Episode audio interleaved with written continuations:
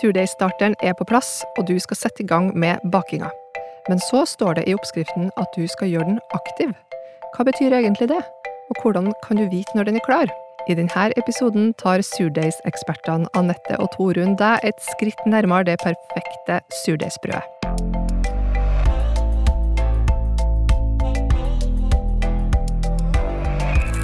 Det her er Matpratpodden. Jeg heter Lisa Ekeli, og sammen med Matprat sine bakeeksperter, Torunn Nordbø, som er fagsjef for brød og korn, og Anette Fjelleng Hansen, som er matfaglig teamleder. Hallo! Ja, Anette, aktiv starter. Det her må du forklare oss litt. Ja, og det står jo i uh, ganske mange oppskrifter at du skal ha aktiv starter, og jeg skal bare si da at jeg, jeg uh, tok ganske lang tid i starten da jeg begynte å bake, eh, for jeg fant ut hva det egentlig var. For det sto bare starter. Det står ikke liksom det står ikke hva du skal gjøre med den. Eh, men så da tror jo sikkert mange, inkludert meg sjøl, at det er bare å tømme på av starteren din, og så skjer det liksom ingenting med brødet, eh, for at du har ikke gjort den her forprosessen, da. Men eh, du skal gjøre den da altså aktiv, eller moden den, eh, sånn at den utvikler smak og sånn, og eh, den skal da bare stå i noen timer. Eh, alt du egentlig trenger å gjøre, det er jo bare å blande mel og starter og vann sammen, Ja. og la det stå.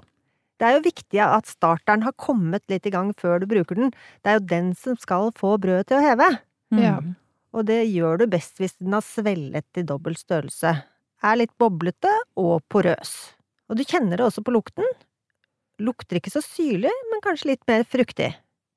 Ja, så da er det bare å blande mel og starter og vann, men er det noe mål eller mengde som er riktig her? Nei, altså det enkleste og kanskje mest brukte måten, det er jo en sånn det vi kaller en 1-1-1-blanding, eller 1-1-1-starter. Eh, og eh, det, da, da blander du rett og slett like deler eh, mel, vann og starter, eh, og bare rører det sammen. Her kan det jo være lurt å sjekke oppskrifta som du skal bruke, for skal du bruke 150 gram i oppskrifta eller 200 gram i oppskrifta, så kan du jo justere mengden, da. Men skal du bruke 150 gram, bruker du 50 gram av de tre ulike delene. Eh, så da kan du jo eh, justere alt etter ja, eh, størrelse du trenger, egentlig, på en sånn 1-1-1-starter. Ja, så hvis du bruker den blandingen, så er den ofte bakeklar i løpet av fire-seks timer. Mm. Alt etter temperatur, hvor lenge siden sist mating av starteren, hvor gammel eller potent starteren din er.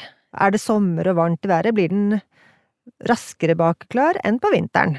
Mm. Har du matet den kvelden før, og den ikke er så sulten, vil den bruke lengre tid. Man må liksom føle seg litt grann fram der, for eh, vi sier jo fire til seks timer, men som vi prøver å Som du sier, det, det, det, man må på en måte bare føle seg fram, for at det er Det kan være Ta åtte òg. Ja, Men hvordan føler man seg frem? Hvordan ser man når den er klar? Nei, det er jo som hun sa, veldig sånn porøs og boblete og liksom, ja, eh, sprudlende. Ja. Og så handler det jo om at du kjenner jo etter hvert din egen starter, da. Og så hvis du har en god og stabil starter som du har hatt lenge, så er den raskere bakeklar enn en ung og umoden en. Ja. ja. Ja. Men det er jo noe du må får mer følelsen etter hvert som du får mer erfaring. Ja. Og, Og så kan du jo bruke andre størrelsesforhold på, på denne blandinga òg. Du kan lage 1-2-2, eh, eller 1-4-4, eller 1-6-6. Det som er eh, greia, det er jo bare liksom det forholdet mellom de tre ulike delene òg her. Og det som skjer hvis du har en 1-2-2-starter, eh, det er jo da at den bruker litt lengre tid for å faktisk nå det her peak eh, Nå sin topp, da. Eh, Sånn at den kan stå litt lenger på benken hvis du eksempel er på jobb, da, og ikke vet at du kan bake på åtte timer, så er det jo ikke vits i å ha en starter som er klar om fire timer.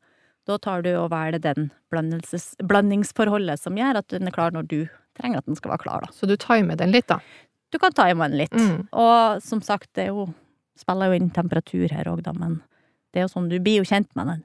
Så ja, altså, det er jo litt uh, hvordan du liker, og når du liker å bake, for du kan jo da time og, og blande om kvelden, og, og la den stå sånn at den er klar på morgenen. mm. Jeg liker jo å, å blande den før jeg går på kontoret, Mm. og så eh, gjøre bakeprosessen når jeg kommer kvelden, hjem. Ja, Ja, på ettermiddagen, og så igjen, eh, for da er den klar til å heve hele natten i kjøleskapet, Mm. og jeg kan steke brødene mine om morgenen. Men du er, ikke, du er ikke på jobb bare i fire timer heller? Nei, derfor Så nå har jeg jo oppdaget det, da, Anette. Ja. Jeg har jo liksom bare gjort den 1-1-1. Ja. gjort den klar på morgenen, og så har jeg bakt da ved fire-fem-tiden. Men nå har jeg jo eh, lært litt, da, av Ja. dette. Så nå har jeg jo skjønt at uh, hvis jeg skal la den stå så lenge, Ja. så må jeg ja, kjøre 1-2-2, Mm. eller 1-4-4. Ja. Eller at jeg nå også uh, bruker kortere tid, da. Jeg er klar over at jeg kan Mm. At den trenger ikke mer enn fire-fem timer før min er kl- bakeklar. Nei. Og så ser du vel også på størrelsen litt eh, når den er klar, gjør du ikke det? Altså, man kan ha denne blandingen oppi et glass, og så ta en strikk rundt, og så vil den da svelle. Og når du, den er like mye over og under strikken, så er den klar. Akkurat. Mm. Ja, jeg, eh, de sier jo veldig ofte at du skal bruke det når den går på sånn oppadgående eh, kurve, at den på en måte piker litt. Du ser at den sånn eh, Nå sitter jeg og tegner i lufta her, liksom. Det ser helt teit ut. Men det er på en måte at du får en liten sånn bul oppover, da, ja. på starten. Framfor hvis den har stått for lenge og det har vært for varmt eller sånn, så går den jo eh, nedover. Eh, Du kan kanskje klare å bake med den en dag, men du risikerer jo at eh, den ikke er sterk nok til å holde brødet, rett og slett.